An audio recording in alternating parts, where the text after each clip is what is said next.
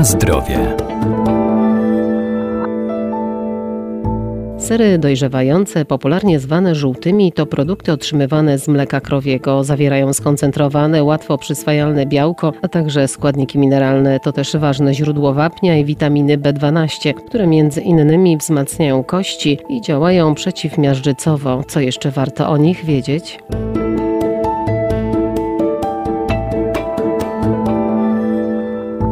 Nabiał to najpopularniejsze źródło wapnia, a przetwory mleczne stanowią podstawę polskiej kuchni. To m.in. tak zwane żółte sery, które oprócz wielu zalet zawierają także składniki, których nie znajdziemy w innych produktach spożywczych. Sery dojrzewające różnią się od serów twarogowych tym, że do ich produkcji potrzebny nam jest enzym. Profesor Waldemar Gustaw, Wydział Nauk o Żywności i Biotechnologii Uniwersytetu Przyrodniczego w Lublinie. Ten enzym pierwotnie był pozyskiwany z żołądków cieląt, natomiast obecnie Dalej stosowany jest enzym, czyli podpuszczka z pochodzenia właśnie cielęcego, ale również wykorzystuje się enzymy pozyskiwane na drodze mikrobiologicznej, czy też enzymy grzybowe. I to jest czynnik, który powoduje, że mleko zmienia swoją konsystencję w skrzep. Ten skrzep jest inny niż w przypadku serów twarogowych.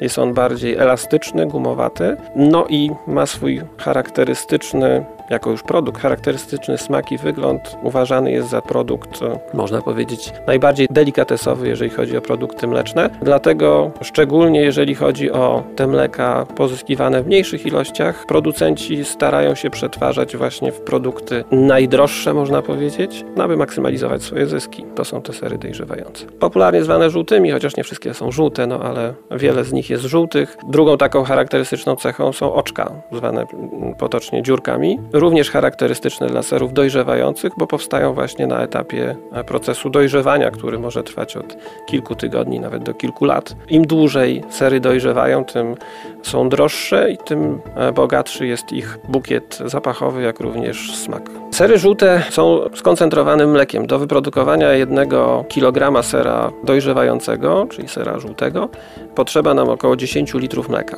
Dlatego też zawartość poszczególnych składników mleka jest proporcjonalnie wyższa w kilogramie sera dojrzewającego.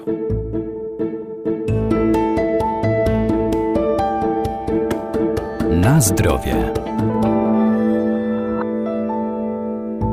Sery dojrzewające posiadają także i inne bardzo ważne wartości. Bardzo ważną zaletą jest e, brak laktozy, która jest eliminowana na etapie procesu technologicznego wyrobu sera dojrzewającego podczas krojenia, wypłukiwania serwatki, następnie podczas dojrzewania czy podczas wzrostu bakterii fermentacji mlekowej. Sery dojrzewające zawierają dużo składników, których nie znajdziemy w innych produktach mlecznych, które powstają właśnie na etapie dojrzewania. Tymi składnikami są przede wszystkim bioaktywne peptydy. Tutaj nie uda mi się uciec od nazwy bardziej naukowej. Wytwarzane są one z białek. Są to po prostu fragmenty białek. Do ich wytworzenia potrzebny nam jest udział enzymów pochodzących zarówno z mleka, jak i dodanych na etapie krzepnięcia podpuszczkowego, jak i enzymów wytworzonych przez drobnoustroje e, dodane do mleka w czasie produkcji serów dojrzewających. Te bioaktywne peptydy mają bardzo wiele różnych właściwości. Między innymi przypisuje przypisuje mi się właściwości ograniczające łaknienie. Są peptydy mające właściwości narkotyczne, łagodzące ból i wiele, wiele innych właściwości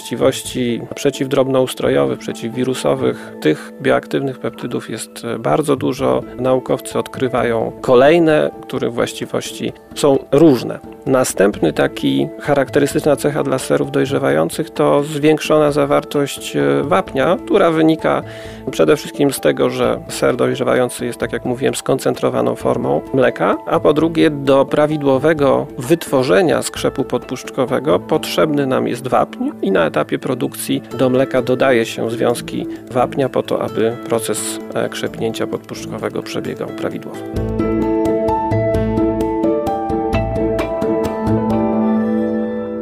Warto pamiętać, że sery żółte, twarde, dojrzewające są wartościowym produktem, ale też i wysokokalorycznym, dlatego nie mogą być spożywane w nadmiarze, a osoby zmagające się z wysokim ciśnieniem czy ze schorzeniami układu pokarmowego powinny ich unikać.